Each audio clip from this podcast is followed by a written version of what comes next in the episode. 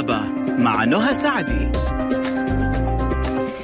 بسم الله الرحمن الرحيم. السلام عليكم ورحمة الله وبركاته. أحلى مستمعين. مستمعي ألف ألف أف أم الموجة السعودية. مستمعي برنامج طبابة ألف اللي بيجيكم يوميا من الأحد للخميس بإذن الله. معي أنا نهى سعدي من الساعة واحدة للساعة اثنين بعد الظهر. بنكون مع بعض لمدة ساعة. إن شاء الله نستفيد منها أقصى استفادة. وزي ما أنتم عارفين بيكون معانا ضيف. وضيفنا بيكون من النخبة والنخبة فقط من الأطباء في مجالهم. اليوم معانا آه، دكتورة وفاء عبد العزيز التويجري من مستشفى الدكتور سمير عباس استشاري أمراض الكلى والضغط والطب الباطني. وحنتكلم عن كيف نحافظ على كليتنا. وحتعطينا ثمانيه آه، قواعد ذهبية. لكن قبل ما نبدأ خليني أقول لكم إذا عندكم أي سؤال كيف تقدروا آه، تتواصلوا معنا. إذا حتتصل على صفر واحد اثنين ستة واحد ستة واحد واحد صفر صفر صفر اثناش واحد وستين واحد وستين مية. إذا حترسل على صفر خمسة وخمسين ستة وستين ثمانية تسعة صفرين واحد. معك آيفون معك آيباد معك أي جهاز نظام iOS. ادخل على متجر أبل و Apple Store حمل تطبيق ألف ألف FM. معك جهاز نظام أندرويد ادخل على جوجل بلاي حمل نفس التطبيق فيسبوك تويتر إنستغرام قناة اليوتيوب كلها على نفس الحساب. ألف ألف FM سناب شات على ألف ألف FM Live وخليني كمان أقول لكم إنه الحلقة حتكون موجودة كاملة خلال يوم يومين بالكثير على قناة ألف ألف FM على منصة اليوتيوب. لما سمع الحلقة حاب يرسلها الأحد حاب يستفيد من الرابط يرجع لها تكون مصدر أو مرجع لي. نرحب فيك دكتورة وفاء كيف حالك؟ أهلا أهلا. نهى كيف حالك؟ شاكرة ليه ما تشربي. قهوة ولا شاي؟ والله عشان ما أحبهم ولا مفيدين. والله الدراسات تقول إنهم مفيدين فيهم. antioxidants ومره healthy يسعدك يا رب. بالعافية عليك عموما الشيء اللي أنت تحبي. تشربيه. الله يعطيك العافية. آه شكرا لوجودك معنا وشكرا مقدما على المعلومات. لاستضافتكم أنتم الله يعطيكم العافية. حبيبتي طيب. خلينا نبدأ بأول حاجة. يعني في ناس كثير يعني الكلى ما هي من الأشياء الظاهرة. ما هي من الأعضاء الظاهره يعني ف- ف- صحيح. في ففي ناس ما تفكر تروح تأكد إنه كل شيء تمام. يقول لك خلاص أنا كويس طالما ما في آلام أنا بخير أنا كويس ما في حاجة. آه، مع إنه أنا أشوف يعني هي مصنع مهم موجود يعني وح- حاجة ب- الفلتر الأساسي اللي موجود. إلا إنه خلينا نعرفها بنظرة طبية. أيوة. آه، نعرفها ونعرف آه، إيش وظيفتها وليش عندنا اثنين. وليش في ناس تقدر تعيش بوحدة؟ تفضل خلاص ابشري الله يعطيك العافية. طبعا إحنا أكثر الناس عندهم كليتين موجودين في في الخلف من منطقة البطن. آه، تحت القفص الصدري شوية. آه، الكلى تعمل وظائف مرة كثير في جسم الإنسان. تتخلص من المواد السامة والمضرة بالجسم بشكل يومي. تتخلص من السوائل الفائضة على جسم الإنسان على شكل التبول. تتخلص من الأملاح. الفائضة آه، تحافظ على حموضة الدم وقلويته بمستوى كويس لكنها كمان تساعد في شيئين أساسيين في في جسم الإنسان. الكلية تلعب دور أساسي في منع فقر الدم. هو الد- الدم يتكون في نخاع العظم لكن الكلية هي اللي تفرز الهرمون اللي يخلي نخاع العظم يسوي لنا كريات الدم الحمراء. مم. الشيء الثاني هي اللي تحافظ على مستوى الكالسيوم والفسفور وفيتامين د مهما أكلت فيتامين د وأكل يحتوي على فيتامين د ومكملات فيتامين د. لو كليتك ما تشتغل طبيعي فيتامين د ما حيكون كويس في جسمك. فهي مو بس تتخلص من السوائل والأملاح والسموم يعني ما هي بس صفايه ما هي بس صفاية ما هي بس صفاية أحسنتي. لها لها أعمال ثانية كثير في جسم الإنسان. وزي ما تفضلتي نهى وقلتي للأسف أعراضها ما هي واضحة بسهولة. زيها زي لما أحد يجي له سكر ولا يجي له ضغط.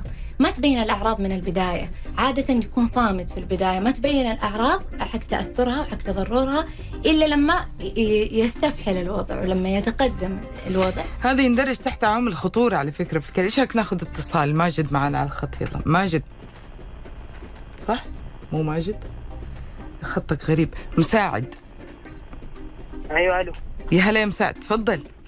السلام عليكم. من وين تكلمنا يا مساعد؟ وعليكم السلام. من المدينة المنوره يلا هات سؤالك. كيف حالك يا دكتوره؟ أهلا أهلا فيك مساعد كيف حالك؟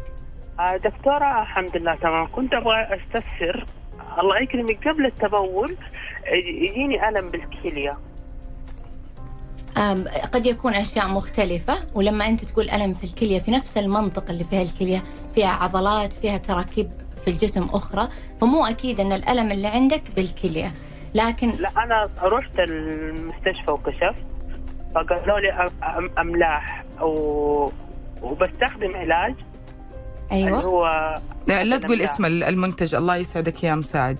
يعني أكيد واصلة الدكتورة. تفضل. تمام. فبستخدم العلاج فما فاد معايا.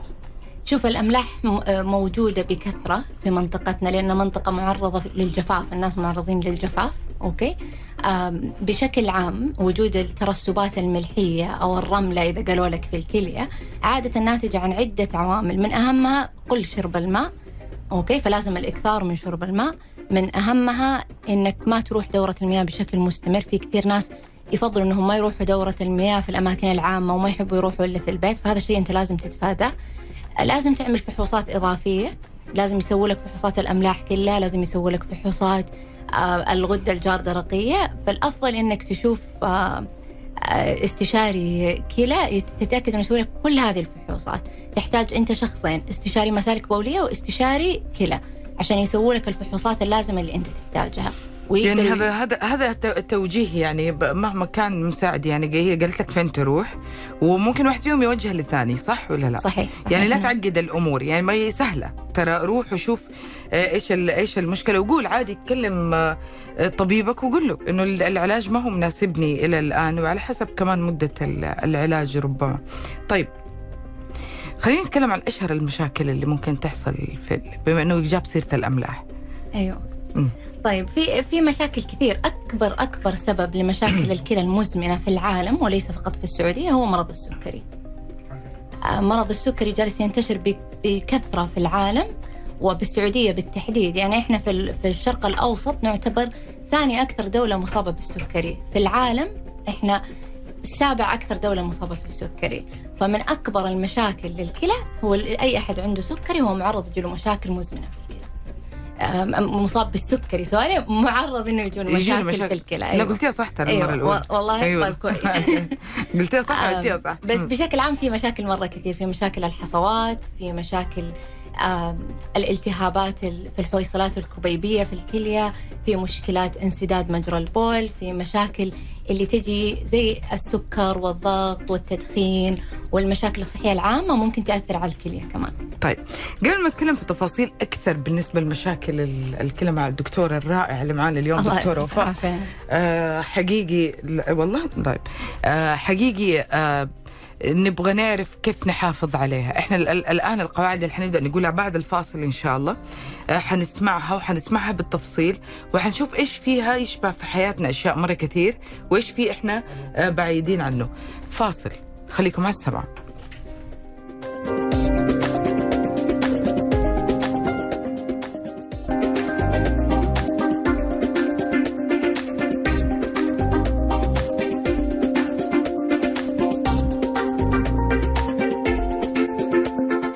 يعني دكتورة رائعة يا جماعة رائع شوية مبادئ على شوية أفكار على على حتى الطريقة أصلا في طرح يعطيك العافية. آه، طيب خلينا نتكلم الآن عن ال... نبدأ لو لو قلت لك اختاري من الثمانية القواعد هذه اللي هي أهمهم. نبدأ بالأهم. الأهم يعتمد على حسب الشخص ما في واحدة مهمة تنطبق على الجميع أوكي؟ لكن من أهمها الحفاظ على الصحة العامة جيدة. لأنه أنت إذا حافظت على صحة عامة جيدة إن شاء الله ما حيجيك سكر ما حيجيك ضغط ما ما تكون تدخن. فبس الحفاظ على صحة عامة جيدة مم. يقيك من بقية ال- المخاطر. هذه أول واحدة. أنا بالنظري بنظري أهم واحدة. كل الناس يبغوني أقول تشرب موية 2 لتر؟ بس يعني ما يعني نمط نمط حياة يكون نمط الحياة صحي. وصحيح. أيوة فهنا. أنت ب- حققت القاعدة الأولى. خلينا ناخذ الاتصالين اللي معنا. ألو السلام عليكم. ألو؟ ألو السلام عليكم. عليكم السلام يا هلا.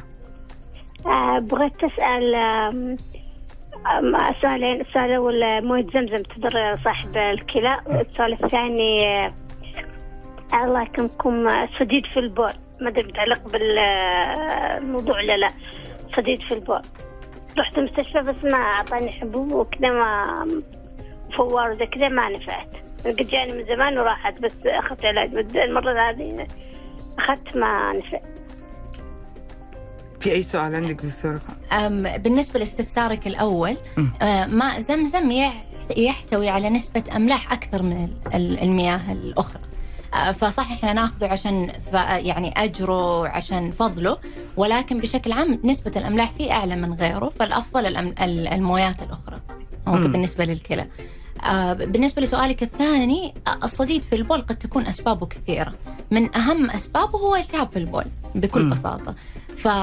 فال... يعني لو كان في صديد في البول مصاحبة مع ال- الالتهاب في البول اللي هي تح...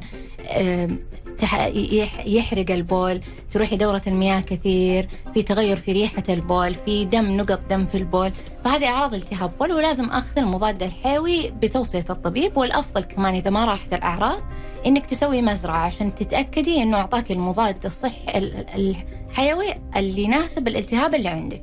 بس الأفضل دائما إنه تتابعي مع طبيبك. يعني أخذتيه تتابعي مع الطبيب اللي شافك في البداية وقولي له إن الصديد ما راح الأعراض ما راحت.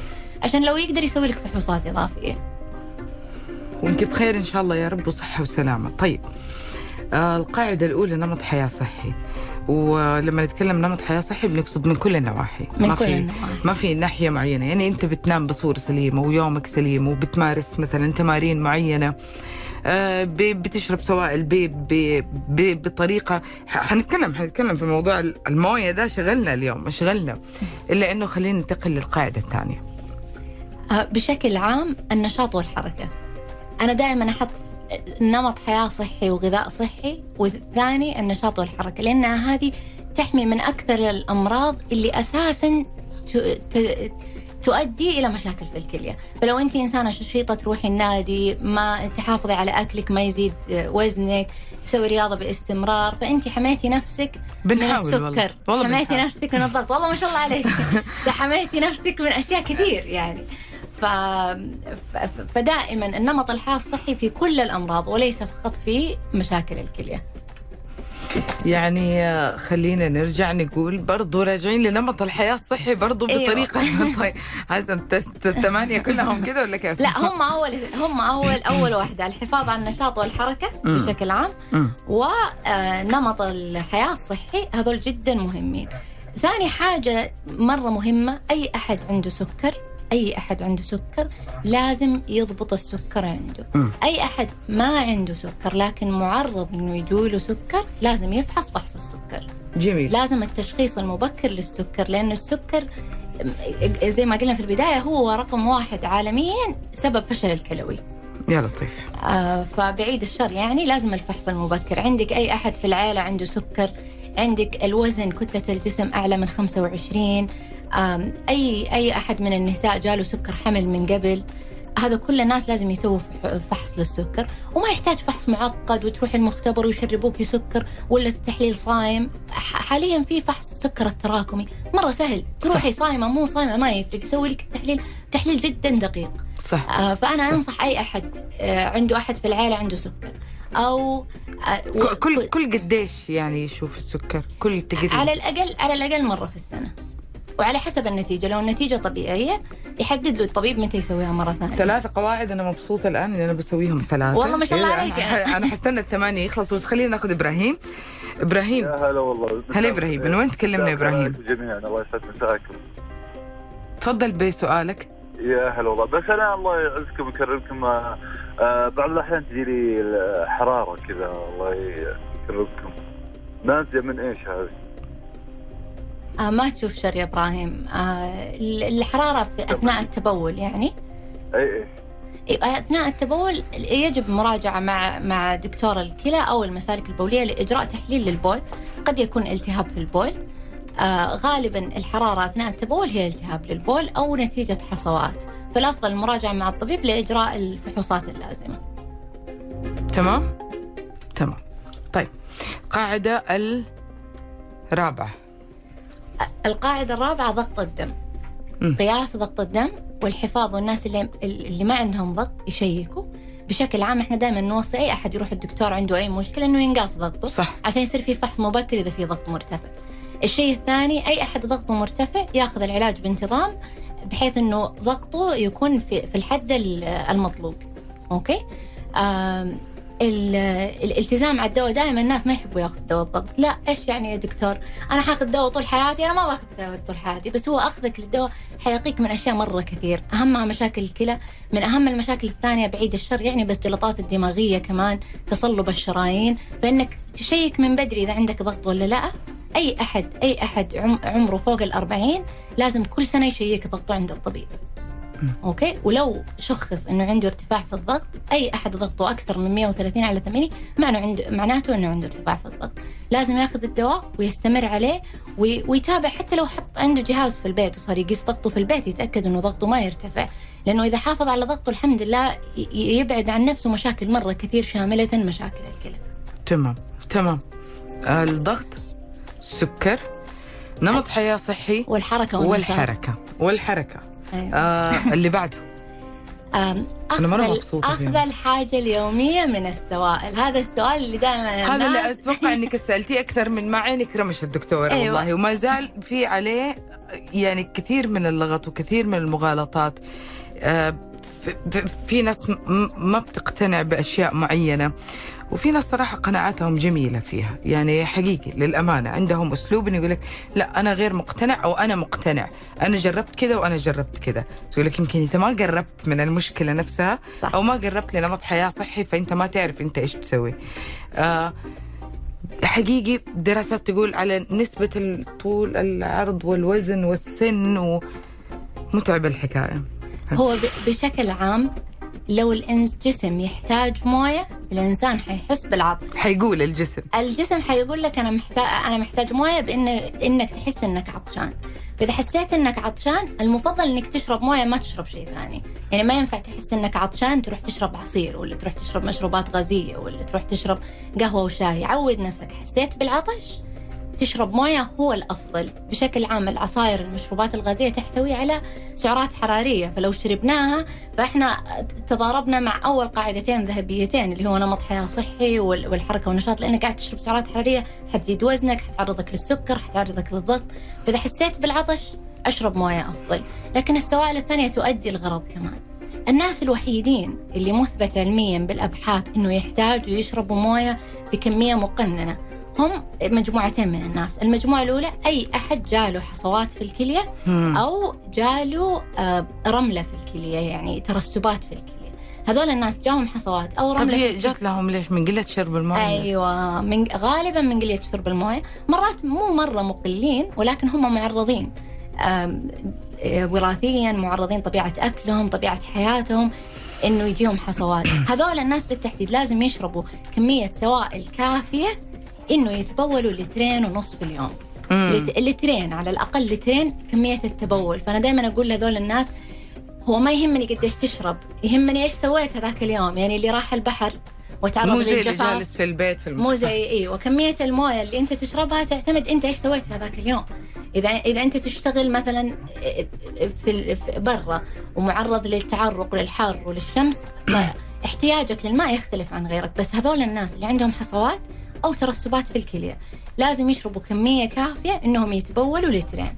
عشان أنت تتبول لترين لازم تشرب على الأقل لترين ونص. ليه؟ إحنا مع التنفس نخسر سوائل. مع مع الجهاز الهضمي نخسر سوائل. مع التعرق نخسر سوائل. سبحان الله. فعشان تتبول لترين لازم تشرب لترين ونص على الأقل. الناس الثانيين اللي لازم يشربوا كمية عالية من الموية الناس اللي عندهم أحد الأمراض الوراثية اللي اسمه التكيس المتعدد في الكلية. polycystic kidney disease يصيروا معرض وراثيا إن تجيهم تكيسات متعددة في كذا في كلا الكليتين. مم. سبحان الله هذول الناس لما يشربوا موية أكثر مرات لحد ثلاثة لتر في اليوم إذا قل تكون هذه التكيسات فيبطئ تضرر الكلى عندهم ويبطئ احتياجهم بعيد الشر يعني لزراعة الكلى أو للغسيل الكلوي. فهذول الناس أي أحد حصوات أو ترسبات في الكلية أو أي أحد عنده التكيسات المتعددة في الكلية. هم الوحيدين اللي في دراسات واثبات إنه لا لازم, لازم. تشربوا موية أكثر. لكن الشخص الطبيعي لو لو لو ما احتاج أكثر حتى من نص لتر مو مشكلة. مو مشكلة. هو الشخص الطبيعي عادة لو ما احتاج لو حس نفسه أنا ما أشرب في اليوم غير لتر. أكيد هو يأكل فواكه فيها سوائل يأكل خضروات فيها سوائل يأكل سوائل أخرى قهوة شاهي عصاير يصير هو مكمل حاجته للسوائل بطرق أخرى مش بس بالماء. امم بس إذا أنت عطشت دائما إلجأ للماء كحلك الأول مم. وليس كحلك البديل ما لقيت عصير ما لقيت قهوة فشربت مويه فشربت مويه مم. لكن طالما أنت بخير الحمد لله آه، هذا الشيء ما يخليك أو ما يلزمك آه نسمع كلمة عن ال ال ال السوائل آه إنه مثلا حتى حتى زيادتها ممكن تضر هذول الناس اللي يشربوها بكميات كبيرة جدا مم. يعني في ناس يعني بسبب نفسي في ناس عندهم نوع من من الأمراض النفسية اللي تخليهم يعطش ويعطش ويعطش. وهذول لما يشربوا مويه كثير إيوه حتضرهم بس بشكل عام أكثر الناس ما يكثروا من شرب المويه بطريقة تضر. أكثر أيوة. الناس. ما حد أظن يقدر أيوة. يوصل للمرحلة اللي هي تضره. إيه وأكثر الناس ما يوصلوا للمرحلة اللي هي تضر. وأكثر الناس يقلوا من شرب الماء. أنا قلتها في البداية وأقولها الآن لأنه نشوفها كثير يعني كثير بين خصوصا النساء. ما يحبوا يستخدموا الحمامات العامة المشتركة. والله موضوع ما فيقوم- يتسكت عليه لكن هذه هذه النقطة حنرجع لها بعد الفاصل بالتفصيل بالتفصيل. بس والله النساء والرجال ويخافوا على أولادهم. معلش وفي ظل جائحة زي مثلا اللي عدينا فيها برضو آه بيصير الخوف أكثر صح، ولا. فحنتكلم عن هذا الموضوع بالتفصيل. خليكم على السماء.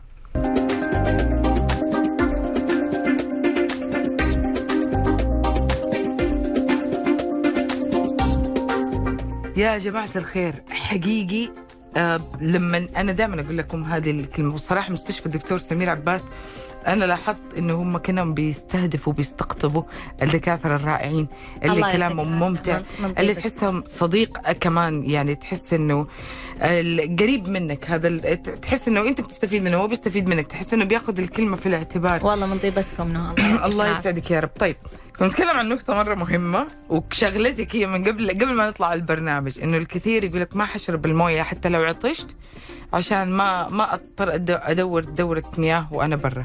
أيوه آه، الغالبية اللي يجون العيادة كذا. الغالبية اللي يجوا العيادة والله أنا يا دكتوره أنا أخاف من الحمامات العامة، الحمامات العامة أول شيء أنا اقرف، ثاني شيء أنا أخاف من الأمراض، أنا أكيد أكيد حتنتقل لي أمراض من الحمامات العامة، وهذه إنك تقرف أوكي معك حق لكن لكن نتيجة إنك ما تشرب موية مع إنك عطشان نتيجة إنك ما تستخدم الحمامات العامة بس لإنك تقرف تؤدي إلى مشاكل اثنين رئيسية. احتباس البول اللي يؤدي للحصوات احتباس البول يسبب التهابات بول شديدة. بس. أيوه ف... بسيطة. إيوه وك... وكثير ناس يسووا كذا. يعني كثير ناس حتى في أماكن العمل تلاقيهم ما يحبوا يشربوا مويه في مكان عملهم لأنه ما يحبوا يستخدموا دورة المياه في, في مكان العمل. و... وإذا يعني يعني انصح وبشده إنه يحاولوا يعودوا نفسهم ما هو غلط انت تقرفي خذي معاكي مناديل خذي معاكي معقم حاولي ال- ال- المنتجات صارت على كل شكل إيوه ولون وصار ما حد يستغرب إذا شاف أحد معاه معقم لو صح. قبل الكورونا من هذا اللي موسوس بس الحين. صار متقبل يعني في كل مكان. صح. فأنا أشجع خصوصا النساء لأنهم هم اللي دائما عندهم هذه المشكلة إنه يحاولوا يشربوا مويه عطشوا، ما يست... ما يخافوا من دورات المياه الحامه ما في أمراض معدية حتنتقل من دورات المياه المشتركة. يلا ألو. السلام عليكم. عليكم السلام يا هلا. مين معنا؟ من وين؟ يعطيك العافية. مع- معك يا أحمد من جدة. هات يا أحمد سؤالك. يلا. الله يسعدك بس بخصوص ال- الحرقان هذا اللي يجي في الصدر. حرقان أثناء التبول يعني؟ لا لا في الصدر. أنا عندي حرقان في الصدر. في الصدر؟ أيوه. ما تشوف شر يا احمد في أسفل القفص الصدري في النص يعني؟ أيوه في ال- أيوه في الأسفل هنا في يسموه فم- راس المعدة في يعني راس المعدة. دائم واصل يجيني هذا الشيء. ما أعرف يعني كيف اعالجه حتى رحت طبيب جاب لي علاجات وما نفع معي. غالبا تحتاج أسئلة زيادة عشان نستوضح أكثر إيش هي الأعراض بس أكثر سبب إنه الإنسان يجيله حرقان في أسفل القفص القفص الصدري في النص وعادة يزيد بعد الأكل السبايسي بعد القهوة بعد الأكلات الدهنية هذا بسبب ارتجاع المريء. ارتجاع المريء بس يصير في ارتخاء في الصمام الذي يفصل ما بين المريء والمعدة ويخلي ال- المادة الحامضية الموجودة في المعدة ترجع على المريء شوية فيحس الإنسان بالحرارة. في في منطقة الصدر. مرات يصاحبها أعراض ثانية بس أكثر الوقت أعراضها هي حرارة. الأفضل الأفضل هو استخدام الأدوية التي تمنع إفراز الحوامض في المعدة وموجودة بكميات كبيرة في الصيدليات بأنواع مختلفة وكلها ذات فاعلية كبيرة جدا. إذا الأعراض متكررة معك بشكل يومي لازم تأخذ الدواء بشكل يومي وبإذن الله بإذن الله إنها آمنة إلى حد كبير وما لها أضرار جانبية كثيرة. في سؤال في رسالة شكله من عشاق المشروبات الغازية. بس بي- بيعرفوا علاقة المشروبات الغازية بالكلى ومشاكلها. هل ممكن تضرها أو لا؟ ال- المشروبات الغازية عالية بالفوسفور أوكي؟ آم، فوسفور صناعي ما هو فوسفور طبيعي. وتؤثر على الكلى من ناحية إنها ترفع خطورة الإصابة بهذه الترسبات. ما في دراسات تثبت انه إنه لها علاقة مباشرة بالفشل الكلوي، ما في. آه، دراسات مباشرة تبين إنها تسبب حصوات في الكلى بشكل محدد، ولكن آه، بشكل عام ترفع من خطورة الإصابة بالترسبات، وبشكل عام الترسبات هذه اللي في الكلية ممكن تعرض الإنسان إلى خطورة أعلى شوية من الناس اللي ما عندهم ترسبات إنه يجوا له فشل كلوي، فبشكل عام ننصح عن بالابتعاد عنه بشكل عام. أما بالنسبة يعني دائما الناس يقولوا يعني دكتوره هي تسبب فشل كلوي على طول لا ما تسبب فشل كلوي على طول لكن في شوية خطورة الشيء الثاني حامضيتها واختلاف تركيبها يرفع خطورة الإصابة بهشاشه العظام. م- مو للكلى بس لكن لهشاشه العظام غير هذول الخطرين الخطر الثالث لو كانت ما هي دايت ما لو ما هي؟ هي دايت مم. لو كانت عادية وما هي للرجيم فمعناها في خطورة إنك تصيبك سكر، اللي يشربوا مشروبات غازية خصوصا بكميات كبيرة معرضين يجيهم سكر، زيادة الوزن والسكر مرتبطين ارتباط وثيق بمشاكل الكلى. يعني خلينا نقول يا جماعة إنه يعني هو كله هو جسم واحد. هو- يعني هو جسد واحد. يعني جسد واحد. أكيد إنه أكيد إنه في خطورة من هذا لو ارتبط بهذا. وخلينا نقول شيء كمان إنه المبالغة. آه، دكتورة أوقات في أي حاجة ما بتكون شبه إنه الشخص يعني مثلا اللي بيراضي نفسه بمشروب غازي صح، مثلا كل صح. أسبوع أكيد مو اللي مع كل وجبة مو ما إيه، يشبه زي صح اللي مع غير اللي يقول أنا والله ما أشرب مويه بس أحب المشروبات الغازية. أيوه هذا يعني نمط حياة خاطئ يعني ال- العطش مفروض اجابته الماء وليس المشروبات الغازية. نكمل في القواعد هل في كمان شيء؟ أيوه أكيد إحنا تكلمنا نمط حياة تكلمنا عن الحركة والنشاط تكلمنا عن ضغط الدم تكلمنا عن أح- السكري أخذ الحاجة اليومية من الماء والسوائل الحفاظ على وزن مستقر. حتى لو ما عندك سكر حتى لو ما عندك ضغط حتى لو ما عندك كوليسترول أي أحد وزنه عالي كون الجسم حجمه أكبر يخلي على الكلية شغل أكثر. فتضطر الكلية إنها تصفي كمية دم أكبر لأنه حجم الجسم أكبر. بينما إنه الكلية ما يزيد حجمها لما يزيد وزن الإنسان. صح. فيزيد الشغل عليها وحجمها هو هو نفسه. مم. ف- فزيادة الوزن مرتبطة ب- بمشاكل الكلية والأفضل الحفاظ على وزن صحي. الوزن الصحي طبعا أق... كتلة جسم أقل من 25 الله. يعني آه، ب- بيبان الشخص اللي بالسمنة يعني دكتورة وفاء بتقول لكم لو بدأت تحس إنه وزنك بيزيد حاول تحافظ وترجع ثاني لنفس المكان. وعلى فكرة آه ال- الوزن المثالي ترى فيه لي من أول للأخير. يعني ما هو بس وزن محدد وتصير مهووس فيه برضو. فاصل خليكم على السمع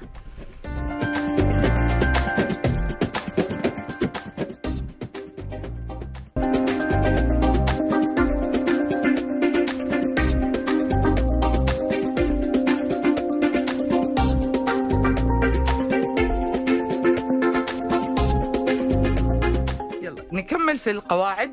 آه في شيء كمان؟ آه في شيء كمان. أيوه في شيء كمان. إحنا خلصنا كم؟ خلصنا ستة. باقي ما اثنين؟ شاء الله. لا باقي ثلاثة. خلصنا خمسة. باقي ثلاثة. آم، هذا هذا واحد منهم دائما يجي عليه أسئلة. المسكنات مسكنات الألم. مم. في أنواع من مسكنات الألم.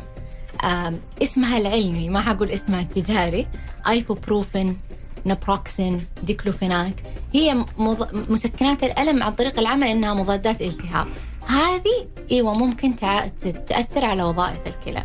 بشكل عام إحنا الناس الكبار في السن اللي عندهم ضغط عندهم سكر لأنه الضغط والسكر تأثر على وظائف الكلى. نقول لهم لا تستخدموا هذه المسكنات لو في صداع لو في ألم البنادول آمن. البنادول آمن حتى لو اضطريت تأخذ البنادول العادي الأزرق حبتين كل ست ساعات ما في منه مشكلة. والابتعاد عن المسكنات الثانية هذه. أوكي؟ آه لكن حتى الناس الصغار في السن ينصح إنهم ما يكثروا منها. مم. أوكي؟ لأن حتى التكثير منها الناس صحتهم ممتازة ممكن يؤدي إلى مشاكل في الكلى. فهذه أحد القواعد المهمة جدا إنه ننتبه من الأدوية اللي ممكن تضر ضرر مباشر بالكلية من اهمها هذه المسكنات. وزي ما قلت البنادول آمن. في كثير ناس يخافوا من من ال- البنادول والأدوية اللي زيه بس هو آمن. الأدوية الثانية هي اللي مضره ال- القاعدة السابعة الإقلاع عن التدخين.